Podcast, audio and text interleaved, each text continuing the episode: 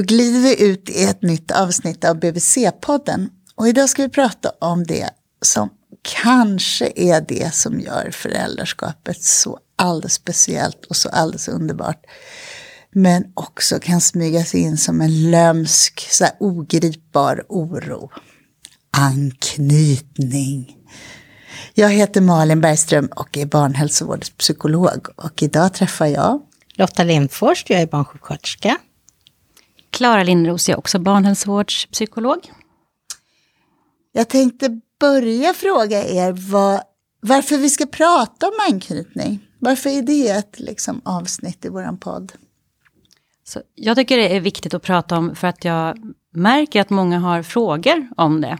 Och att precis som du sa i introt, att det kan bli någon slags oro kring eh, det här med anknytning. Att föräldrar vänder sig till BVC och ja, vill höra om vad tror du, jag undrar om mitt barn har knutit an till mig. Eller de kanske frågar om, jag undrar om jag har knutit an till mitt barn och så vidare. Så jag tror man får en del frågor kring det. Och att det finns kanske en del oställda frågor också hos föräldrar. Och likaså tänker jag att jag som sjuksköterska också ibland kan känna eh, att jag har tankar kring kvaliteten på anknytningen. Mm. Och jag tycker att det florerar liksom olika idéer om vad det står för. Det är ja. inte ett helt tydligt begrepp. Liksom. Många psykologbegrepp överlag används ju av ja, men gemene man, blir lite populära mm. liksom, och så förlorar de kanske sin riktiga innebörd. Så mm. det är väl också bra att det bara blir väldigt tydligt vad vi menar egentligen. Och vad är det då, Klara? Vad vi menar med anknytning? Ja. Mm. Vad vi menar med anknytning är, det är barnets, liksom, vi pratar om ett anknytningssystem som barn har. Alltså de föds egentligen förprogrammerade för att knyta an till någon, så att säga, större och starkare vuxenperson, det vill säga föräldrar nästan alltid.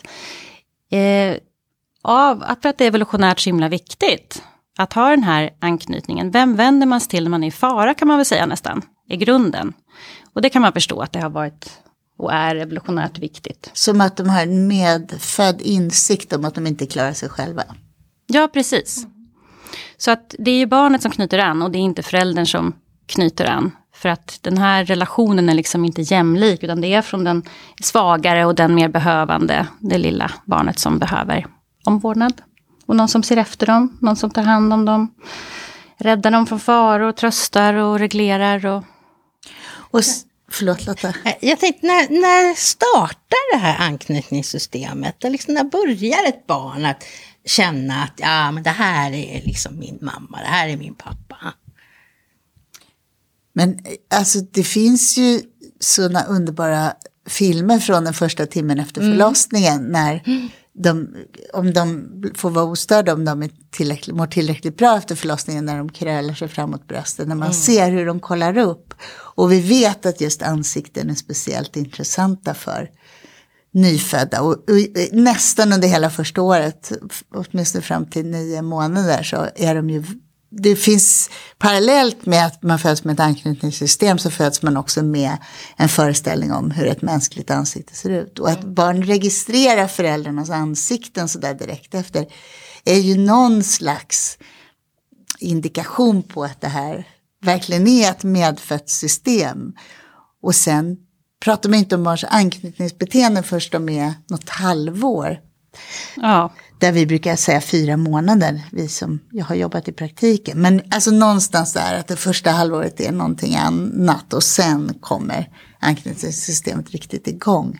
Mm, som väldigt för, men den där förberedelsen finns ju där från dag ett. Mm. Jag tänker också på att man ser att barn föredrar bilder som föreställer alltså ett ansikte fast det kan vara väldigt stiliserat. Det kan vara bara två prickar där uppe och en prick där nere, det vill mm. säga öga, öga och mun.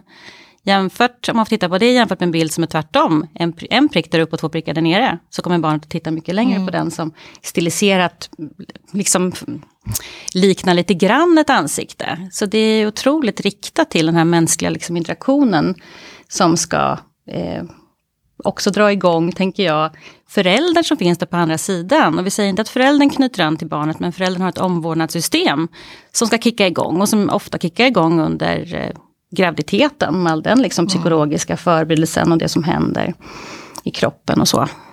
Kan man säga att tillit och anknytning ligger väldigt nära varann.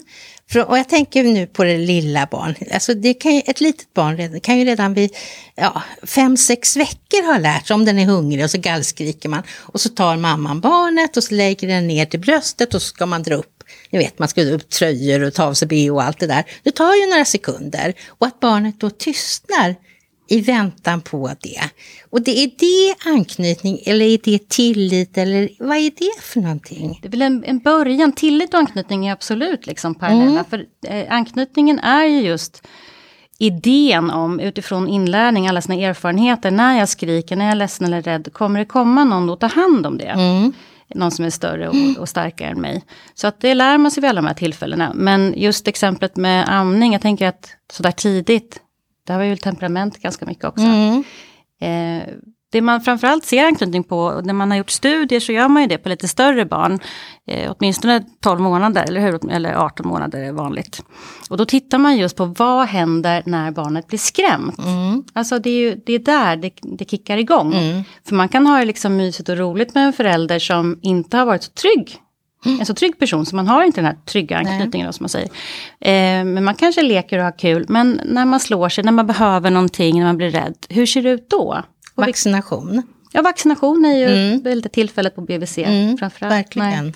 Så tänker jag om man tittar anknytningsteori så är det någonting mer än tillit och någonting som är faktiskt ännu mer grundläggande. Det här är inget sofistikerat system, Nej. utan det här är som att äta och kissa. Liksom det är mm. extremt grundläggande.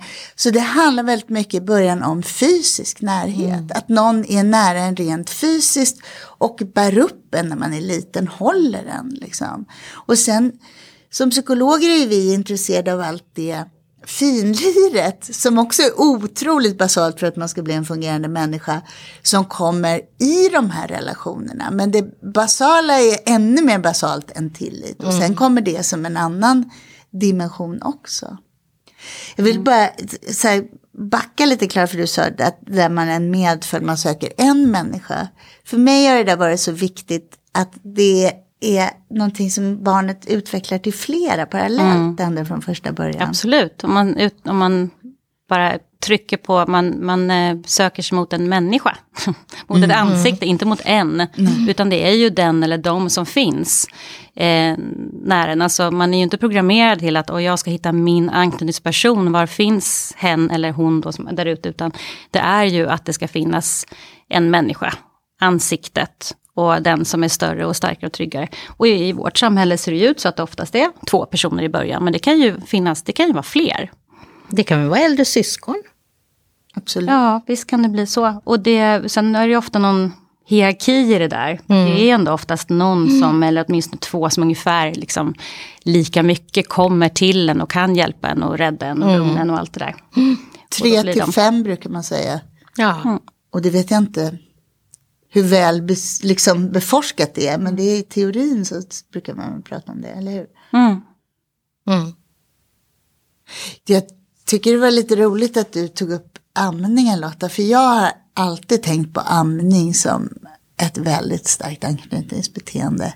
Sen betyder inte det att om man flaskmatar ett barn Nej. att det inte är ett starkt. Mm. Men jag tycker det hänger väldigt nära samman hos ett litet barn. Inte bara att jag blir beskyddad mot faror eller mm. tröstad när jag är trött utan också att jag får mat. Mm. Men riktigt mm. små barn kan ju inte urskilja fa, alltså vad en fara är. Det är ju fara att vara hungrig. liksom. Mm. Det är obehag på något mm. sätt vi pratar om.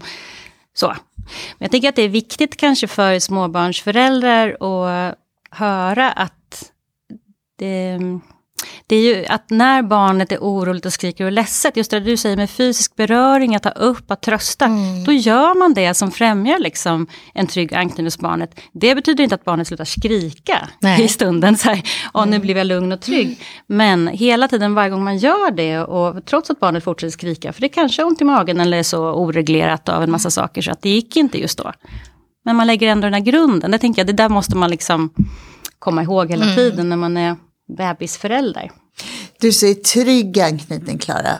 För om vi nu ska prata om vad anknytning är. Mm. Är alla barn tryggt anknutna till alla människor runt omkring sig? Eller hur ser Nej, det, det är de inte. Jag är så dålig på siffror, men jag har för mig att det är sådär en 60 procent som man i studier har sett. Visst är det det? Mm. Som har trygg anknytning. Och sen har vi några andra varianter. Och det är väl lite bra att prata om dem, för att jag, jag lyssnar på en annan podd som är rolig. En Varje söker sin podd. Eh, med Liv Strömquist, då hade de någon sån här, de pratade om de här olika anknytningsmönstren. Och är du B eller är du C och så här. Så jag tänker det florerar en massa mm. sådana där liksom, ute i samhället. För att det, mm. folk tycker det är spännande liksom, att mm. fundera och vad jag har för anknytning och sådär. Eh, och då är det eh, trygg anknytning som de flesta har. Och det betyder ju ungefär det vi har sagt nu. Att man räknar i stort sett med att eh, när någonting händer som är läskigt farligt, då kommer liksom, det komma någon till undsättning. Jag kan ändå, ja, det har jag lärt mig, för det är min erfarenhet på det stora taget. Det betyder inte att man inte får en trygg anknytning, för att man som förälder missar jättemycket, för det gör vi ju. Utan att det är liksom det som mest händer. Och sen har vi två otrygga varianter. Den ena kallas för ambivalent otrygg anknytning. Och det är lite som det låter att det finns en ambivalens, alltså hos, eh, hos barnet kan man säga, kommer man få eller kommer man inte att få? Och då kan man tänka sig då att man från sin eh, omvårdnadsperson, då, föräldern, in, som ibland har fått, kanske mm. ibland inte. Om vi ska vara lite mer konkreta, tänk att den förälder som kanske ibland är gör det där fina som man behöver och så, men ibland eh, mår jättedåligt och inte orkar, utan då skriker en eller ignorerar eller går bort. Står inte ut med klänghet ibland och går undan och sen ibland så har man eh, lite mer kraft och gör det. Och återigen, det är ju om det blir liksom så mycket så att det blir ett mönster så barnet inte vet vad som ska komma. Och då kan de här barnen bli liksom eh, ja, men väldigt ambivalenta i hur de ska förhålla sig. Så säg att det blir någon, någon, någon sån otäck händelse eller separation. Då kan de kanske söka sig till eh, föräldern och vilja komma upp i famnen eller så. Men sen vara väldigt griniga och, och klänga, vill ner, vill upp och vet inte vad de vill. De försöker helt enkelt kan man säga, maximera, få ut så mycket som möjligt av föräldern. De vrider på alla kanaler. Men du Klara, det du mm. beskriver nu tänker jag, det kan ju vara ett trött barn. Ja, precis. Absolut. Eller ett barn med ett ängsligt temperament. Alltså, ja. Så är det ju, de här mönstren går ju i Precis. en massa saker. Det gör det absolut. Så därför, det är alltid lite läskigt tycker jag att prata mm. om sådana saker. Mm. För jag tänker att folk går igång och undrar. Precis. Igår så var ju liksom Matilda Precis. så här, igår vill hon upp och sen vill hon ju ner och så. Ja. Det är också en, en viss ålders... Så det är inte så lätt att få syn på Nej. det här själv. Och jag tror inte man ska hålla på och försöka titta på sitt barn och fundera. Utan mer alltså sådär överlag, om om den är ledsen, någonting händer, kommer den komma till mig? Mm. Och vad kan jag göra för att mm. liksom visa att jag finns här? Det är väl mm. ungefär där man ska vara. Och med alla barn genom en uppväxt så kommer man ju behöva göra det där på nya sätt igen och mm. igen. Ja. Därför att man alltid tappar varandra i perioder och så måste man hitta varandra och visa att ja, jag finns här. Ja, och sen tänker jag när du säger att det där låter som ett ängsligt barn, eller alltså att det är ju olika lätt liksom för olika barn att få till den här trygga anknytningen. För det är olika lätt och svårt för föräldrar. Mm. Har man ett barn som, har väldigt, som är väldigt ängsligt eller väldigt svårt att reglera sig. Liksom, då kommer det vara en svårare uppgift för föräldern att, att vara där och finnas där. Och så. så är det ju. Mm. Och ändå om vi nu inte ska linda in där för mycket i bomull så är det ju mitt bemötande som förälder som är påverkar starkast vilken kvalitet det ja. mönster kommer få. Mm. Men vi var vid ambivalent, vad finns det mer för otryggt mönster? Eh, det finns ett undvikande otryck också. Eh, när man blir kanske ett mer, tänk sig ett barn som blir mer självständigt, som inte söker så mycket tröst och hjälp. Och då kan man tänka sig att man kanske har den erfarenheten att när man söker tröst och hjälp, det vill säga gråter eller skriker eller vad man gör när man är oreglerad, så kanske man blir avvisad. Om man har en förälder som inte står ut med det. Återigen, man gör om man gör det väldigt ofta, det blir ett mm. mönster, det blir barnets liksom mm. inlärning. Att nej, jag får inte vara nära liksom, mina föräldrar. Om jag är gnällig så är det bäst att inte gnälla. Så ungefär. Men, men Klara, kan det vara så att man som ett litet, om vi tänker oss exempelvis en mamma som får en psykisk sjukdom mm. ganska tidigt, eller när barnet är väldigt litet. Men en pappa som finns där mm. och möter barnet. Kan barnet utveckla olika mönster ja. då gentemot mamma respektive pappa ja. eller tvärtom? Precis. Det gör barn alltid. Mm. Oavsett om båda föräldrarna är friska och där så är det det där är liksom relationsspecifikt. Ja. det som händer mellan dig och mig, det är mellan oss. Ja. Det som händer mellan mig och Klara, det är någonting annat som har med oss två, hur vi synkar att göra. Och det där är ju väldigt trösterikt, mm. tänker jag. För att då är det ju så att alltså barnet har ju ändå lärt sig hur, hur man kan göra och hur det är när man blir svarad på. Mm. Absolut. Och blir man då sen som mamma eller pappa frisk och orkar möta sitt barn eller blir mindre upptagen av det som är svårt, ja men då är det kanske inte så svårt för barnet att haka på igen. Nej. Eller är det så att man alltid behöver hjälp för att komma på rätt köl igen? Alltså det är ju svårt, svårt att svara på. Det finns ju otroligt mycket vad ska man säga, som egna drivkrafter här. Som vi sa, barnet har ju den här drivkraften hela tiden att, eh, att eh, skapa den här anknytningen och så. Så att är det så att man har mått dåligt som mamma till exempel och sen är tillbaka, ja, hur lång tid har det gått? Har det gått ett halvår eller så? Ja, men inga problem och bara man själv klarar av det, tänker jag. Det är mer om man själv som, som eh, mamma då i den, om vi tänker oss den här mamman är väldigt osäker och undrande. Det är klart många kan behöva hjälp Lite, och stöd ja. lite grann. Eh, för att komma på banan. Men ibland så bara löser det sig skulle jag Fast säga det, också. det är nog min erfarenhet, tänker jag, att, att det är mycket bättre att man som förälder söker hjälp. Sen behöver det inte vara så kvalificerad hjälp. Mm. Därför att ofta har man ganska dåligt samvete och Ja, jag undrar. tänker mer på sånt, ja, precis. är liksom upptagen av att jag har skadat mitt barn för livet. Mm, och då kan man bli orolig Ja. och så kan man inte hitta det där. Så att för det mesta, det är väl säkert bra att bolla och börja Ja. prata på BVC kring hur, och sen Precis. se om det behövs något vidare. Men det är ju reparerbart, det är ju Ja. jätteviktigt att komma ihåg, för det är så många som är oroliga också över att nej, men jag mådde dåligt de första tre månaderna. Ja men det är ju lugnt liksom. Om man inte då har fastnat i att nej, men nu har jag dåligt samvete så att det påverkar mig jättemycket hela tiden eller så. Så är det ingen fara. Vi har ett anknytningsmönster Ja. kvar som egentligen är avsaknad av anknytningsmönster. Ja. Eller avsaknad av strategi för att bli lugnad. Ja men precis, för vi har ju, liksom, jag har försökt förklara då att de här olika mönstren, alltså anknytningsstilen det är just mönster. Utifrån vad man har för erfarenheter så lär man sig hur man ska bete sig för att få ha liksom, föräldrarna så nära som möjligt. Och då har vi den här sista då, som brukar kallas desorganiserad anknytning. Och som är just att det finns ingen enhetlig strategi utan det är liksom fragmenterat eller vad man ska säga att det kan, det kan bli, man kan se lite udda beteenden från barn. Ehm, så exempel som kan vara att man man, in, man, närmar sig, man närmar sin förälder på ett udda sätt, kanske baklänges, gömmer händerna, gömmer, alltså gömmer ansiktet i händerna eller annat. Eh, det här är ju inte alls så vanligt, och det är också, men det är det som är den största risken. Men det är ändå kanske en ja och siffror, alltså 10 procent kanske. Ja, brukar man säga Eller hur? 15 till och med. 10-15, ja. Och det här är ju liksom riskgrupp. Det här kan nu verkligen påverka den psykiska utvecklingen kan man väl säga. Och eh, Och det är ju... det är väl i grunden så att man både är rädd för sin förälder och är den man behöver vända sig till för att få Precis. trygghet. Att det är det som blir svårt för barn. Precis, man hamnar i någon slags moment 22 kan man säga, något dilemma. Där om man blir skrämd av sin förälder, man har två föräldrar som bråkar jättemycket, alltså skriker och kastar grejer, typ det är våld kanske. Då blir man jätterädd. Ja. Men vem är det man ska vända sig till? Jo, anknytningssystemet säger att man ska vända sig till sin förälder, och gör man det. Men då blir man ju rädd, så får man backa och så håller man på så fram och tillbaka på något sätt. Och det blir en väldigt stress i kroppen. Så att man pratar ju ibland om det här som någon slags lång, alltså pågående traumatisk upplevelse för att man är i en sån stress där stressen inte lägger sig. Man inte kan bli lugnad. Så det, det är den allvarligaste formen. De här andra då som vi pratar om, de otrygga, ambivalenta, undvikande.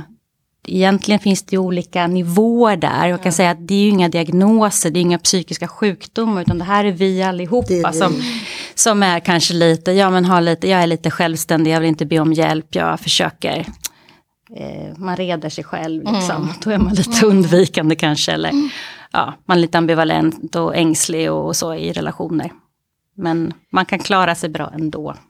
Men visst finns det också, eller jag vet inte om det är normalvarianter. Jag tänker på en mamma och ett barn som jag hade på BVC. Och mamman kom till mig när barnet var åtta månader gammal och sa så här, det är så konstigt, han vill aldrig titta på mig. Jag tycker att det är så att han tittar på alla andra. Ja men så då la vi oss ner på golvet alla tre och det var alldeles riktigt. Alltså, Han samspelade jättefint med mig som han inte kände. Och mamman ville han verkligen inte titta på. Där jag förstod hennes smärta. Alltså den, den var ju enorm. Och jag kunde inte, det där var liksom ingen familj som jag på något sätt hade haft några tankar om tidigare. Och hon kunde liksom inte säga att det hade hänt någonting och sådär. Så det jag sa till henne är att ja, det finns ju jättemycket hjälp att få, men, men jag tycker du ska börja med att liksom ligga på golvet med Mm. honom jättemycket. Och, och liksom leka och inte vara för påträngande, utan mera liksom så här, känna in lite grann och, och så. Och sen så ses vi om en vecka igen. Mm. Och sen så, jo men alltså då var det ju så. Efter en vecka så, jag kunde inte se det där och de lekte och hade jättekul. underbart. Ja, Nej, men det är och- underbart och vad det är för hade, någonting. hade de gått till någon behandling och träffat en barnpsykolog, då hade de fått göra exakt det där som du sa.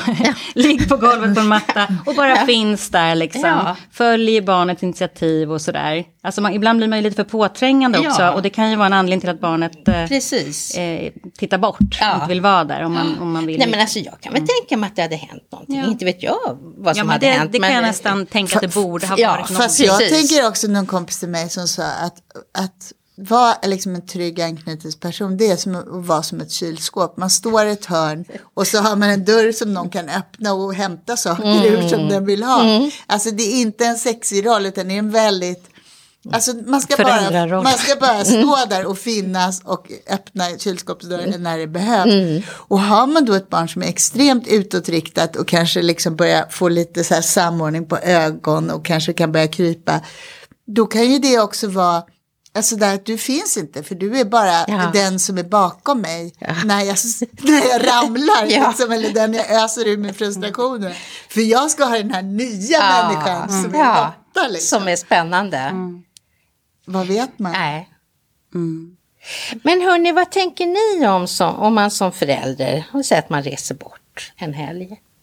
I vilken ålder? Ja, jag kan säga tio månader. Mm. Jag avskyr såna frågor. jag vill alltid ha hela historien. Liksom. Ja. En Nej, förälder men- åker bort och en förälder Nej, kvar. om vi säger att båda föräldrarna de är borta Mm. en natt nu då. Och sen så ska barnet eh, vara kvar hos mormor och morfar som känner barnet jätteväl. Mm. Barnet är lite ledset på kvällen, ganska rejält ledset faktiskt. Mm. Och lite sur på mamma och pappa när han kommer tillbaka Ja, också. och då tänker jag att det är inte så, eller jag tänker så här för vad Malin säger, men jag tänker Ja. att det inte är så intressant, utan det är vad som har varit innan. Är föräldrarna där och finns där och lyhörda och tar hand om och tröstar och möter, ja så kommer de hem och ser barnet lite surt eller så där grinar till. Mm. Ja, men det kommer ju lösa sig på en dag, eller så. Du Om- tänker inte att man får skador för livet? Nej, absolut inte. Men om man liksom, det där, var går den där gränsen? Jag kan inte svara på det. Vet, hur många dagar kan man vara borta? Jag tänker att det är väldigt individuellt också faktiskt för, Mm. för barn. Och just det där, vilka är man är och hur har det varit innan och sådär. Beroende på hur snabbt man reparerar igen. Det här känns så flummigt Malin, vad säger du? Nej men jag tänker mer att det handlar om de som tar hand om barn. Mm. Ja, det är Alltså en natt och barnet är hos mormor och morfar, då skulle jag snarare säga att det är bra. Mm. Därför att anknytningsrelationer handlar om att vara nära, Mm. vara isär och komma ihop igen. Och det är det vi börjar med när de börjar förskolan, när vi byts av som föräldralediga, hela barndomen, sen är det en mobiltelefon där jag finns tillgänglig. Det är det som När är de vill ha pengar och sånt. det är det som är anknytningen. Nej men då är det det som är, det är det som är den naturliga utvecklingen. Alltså med jämna mellanrum kommer det såna här rubriker i kvällstidningarna att nu det är livsfarligt att börja förskolan före tre års ålder och så.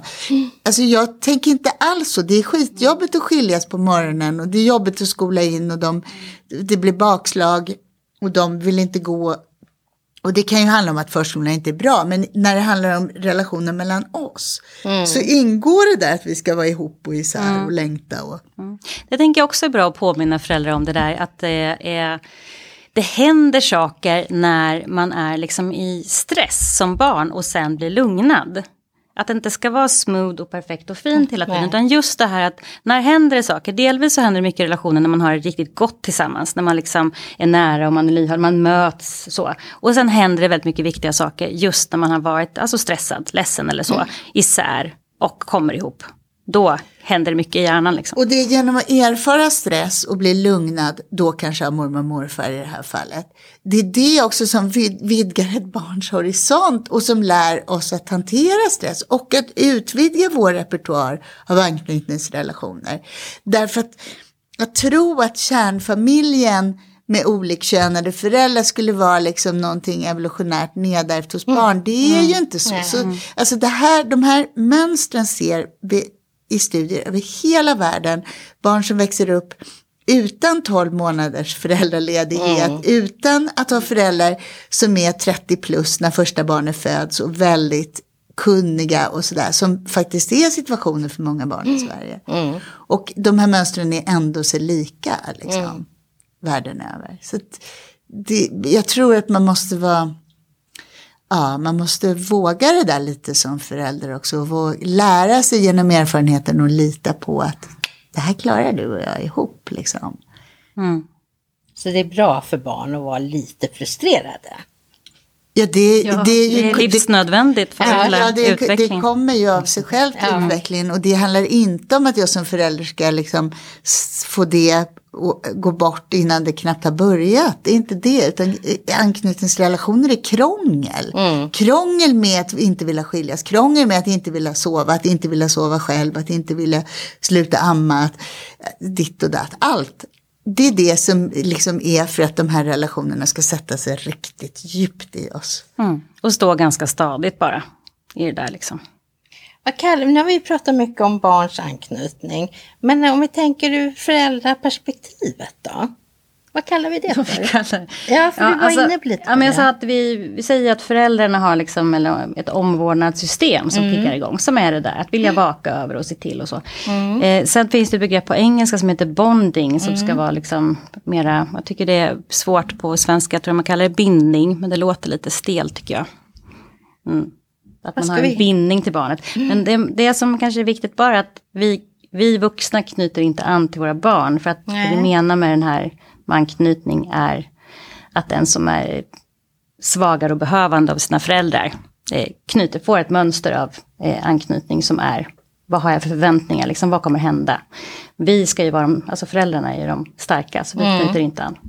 Men ni vet ju när man har, om man byter, om man Mm. har varit hemma och varit föräldraledig och så byter man av med varann. Så den första perioden, då, när det har gått två, tre timmar, så kan det ju liksom skrika i kroppen att fasen vad gör jag här? Jag vill ju hem. Mm. Alltså jag har ju liksom så här fysiskt sug efter min bebis. Vad är det Mm. för någonting då? Ja, men det, är ju, det kan ju nästan, alltså att det börjar läcka i brösten bara Ja. man tänker på sitt barn. Ja. Det, det är ju en, alltså det är en fysiskt rotad relation det där. Det kanske heter bindning på, eller vi pratar ju om omvårdnadssystemet. Eh, som gör att du står med en kundvagn fast du inte har barnvagn i med affären. Och. Skakar den, Ja, liksom. just det. Att man är helt uppfylld av det där.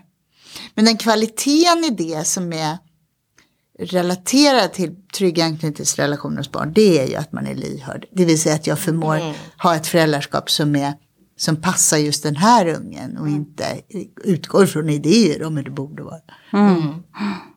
Och man ligger där på golvet som Lotta föreslog. Och bara liksom är bara med och iakttar där, och så. ja. Ja, I de stunderna. Och sen i stunder när det blir uppror och bråk och trots. Ja, Då försöker man hänga med och se vad som händer och trösta och ta emot och fatta att det kanske inte blir att barnet slutar skrika. Men man har visat att jag finns här, jag klarar det här, jag står ut med det ena och det andra. Nu har vi pratat jättemycket om vad anknytning är och hur det uttrycker sig i praktiken och så. Men det finns väl också någon slags så här, alltså baksida av det här Lotta, det här fokuset som Klara började med att prata om att det här, ja det är något man funderar över och pratar om på Ja. BUC och kollar efter kanske. Eller? Ja, och det där, jag, jag, vet inte riktigt vad jag ska säga om det. För jag tänker så här att i grunden så är min hållning att all kunskap är av godo. Men för några människor så blir ju en kunskap svår att förvalta också. Och Eh, jag vet inte, är det liksom kunskapen i sig? Eller är det faktiskt så att jag kanske har, att jag är väldigt orolig kring väldigt många saker. Och då blir ju det här med anknytning som nu alla vet är så himla grundläggande. Alltså för jag, jag tror att den föräldern finns ju inte som någon gång tänker tanken, gud tänk om mitt barn blir en knarkare. Eller när man har varit arg och skrikit på barnet och att man tänker gud nu har jag förstört någon för resten av livet. Så, alltså det är ju en del utav oss. Men för en del så blir det också en oro som är svår att hantera. Men jag tänker att eh, ja, så är det och då måste man prata om det. Men handlar inte det där också om att kunskapen är att du är så viktig för ditt barn? Inte att ditt barn kommer ha så här betydelsefulla relationer till, säg fem människor. Och det systemet av relationer, det kommer lägga en grund i barnet för dess... Alltså att man har en tendens, kanske framförallt som mamma eller som förälder, att titta väldigt mycket just på sig själv och sin egen betydelse och inte på det där liksom fenomenet hos barn som ändå riktar sig till många. För det är väldigt mycket annat man gör också som förälder som inte handlar om anknytning som har betydelse i långa Ja, loppet för verkligen. barn. verkligen. Precis, massa andra parametrar. Men jag vet inte, det brukar du säga Malin, tycker jag, att det här att det bara ingår att man ska vara sådär, titta på sig själv och orolig, och man, för det går inte att, att liksom undgå. Och jag tror lite som du var inne på Lotta, att om man oroar sig för anknytning hit, då oroar man sig överlag. Då behöver man eh, kanske prata om det, kanske Ja. prata om det på VVC eller någon annan, för att just liksom hitta lite mer lugn i att nej men jag bara finns här liksom, och Alltså- följer med och det löser sig. Jag håller inte med om det där. Nu råkade jag ju få tre barn under min psykologutbildning. Mm. Att- och jag vill inte säga att jag var orolig över precis Mm. allting. Utan jag var just orolig över det här. För att jag tyckte det var så himla svårt att man inte kunde se det. Jag tyckte jag kunde få ett kvitto på många saker med mina barn. Där jag kände att det var bra, en amning som funkar, en glad unge som kollade på en, en barn som var väldigt gosigt eller någon som var snabb på att ut i världen och krypa. Alltså jag kunde se väldigt mycket bra saker med mina unga som var bra. Men jag, hur skulle jag veta om det här var bra? Jag visste liksom inte vad, kan jag bara få tre så här som jag kunde checka av så, att, så skulle jag kunna släppa det. Jag tyckte det var svårt att det var som en ogripbar dimension som jag Just kunde oroa mig att de att- kunde se ja. på BVC och tänka så här, gud allt ser så bra ut men, Men hur känner man? Det är väl just det att är, är, har barnet en trygg anknytning så syns det typ inte. Det kanske är det. Alltså att då bara, Nej. det fungerar. Det är mer än om det är någonting. Och då tänker jag, vad kan man få för BV, på BVC för frågan inte fungerar? Det kan ju vara till exempel de här väldigt, som man säger, gnälliga barnen. Om det är så väldigt gnälligt och kinkigt och håller på och du, du, du och vad är det? Och då tänker jag att jag ibland har pratat med föräldrar om att hur blir det då liksom bara finnas där? När det är gnälligt, bara vara där en stund. För jag kan uppleva att ibland blir att man då, ja men man backar som förälder och så jagar barnet efter och så det känner av, barnet känner av liksom att nu vill inte mamma eller pappa. Nej. Går det med stöd eller går det att bara vara där tills barnet själv vänder sig, alltså att den går därifrån och, är, och är färdig. Kan man göra det ett tag så, så kan man få bukt på det liksom. Ja, och det kan man som regel som förälder om man bara får veta att det är bra. Därför att man kan också känna så här att alltså det är ju lite fint att ha självständiga barn i vårt samhälle. Och jag tänker på ett av mina egna barn som alltid låg på min fläta. eh, Som mitt långa hår och fläta och hade den under näsan. Och det där vart jag ju rätt irriterad på måste jag ju säga. Men jag förstår ju idag liksom vilket jäkla bra sätt att garantera att jag kan inte gå ner från precis. sängen Ja. förrän han sover. Det är många Alltså, sådana barn som ligger så här tror jag, och ligger och håller lite i Precis, håret. ja.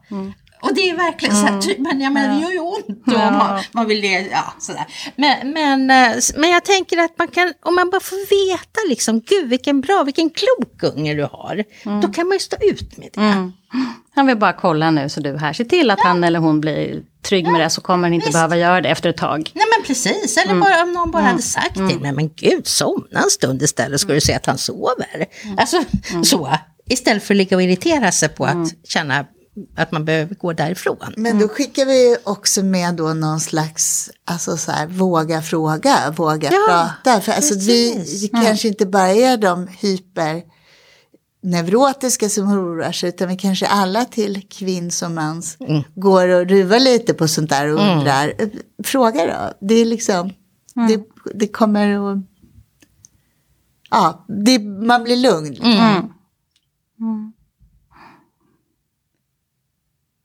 Jag tror vi, Ja. vi låter det här att bli lugn, låter vara så här fina slutord när vi glider ut från den här podden. Tack Lotta, tack Klara. Fint. Hej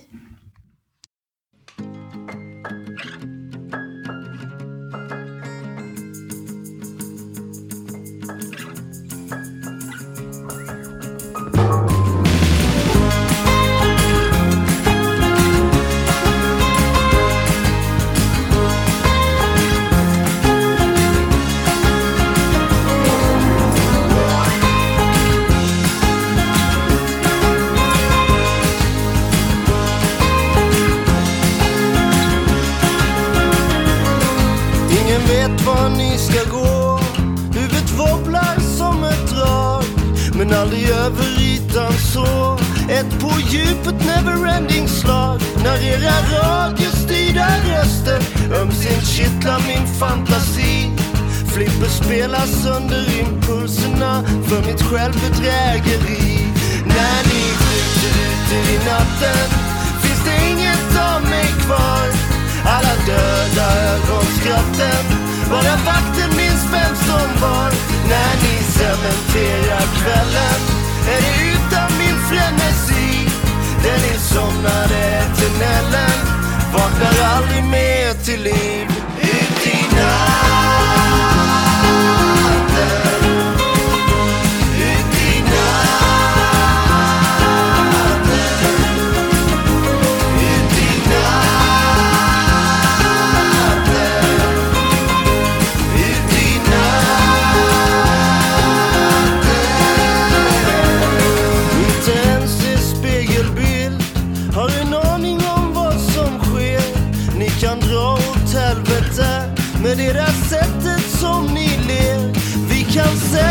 Bli bästa vänner i eternal sunshine of the spotless mind. Men inte riktigt när du bara älskar mig genom rök och vodka lime. När ni skjuter ute i natten finns det inget av mig kvar. Alla döda ögonskratten, bara vakten minns vem som var. När ni cementerar kvällen är det utan min frenesi. Den insomnade eternellen vaknar aldrig mer till liv. Ut i natt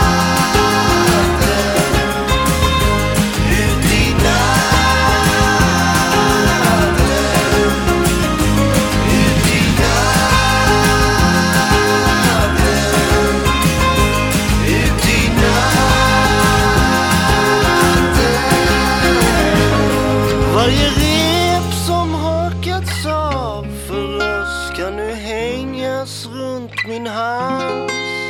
Men jag minns varenda kväll förstås och precis ingenting alls. När ni skjuter ut i natten finns det inget av mig kvar. Alla döda ögonskratten, bara vakten minns vem som var. När ni cementerar kvällen somnade till tunneln Vaknar aldrig mer till liv.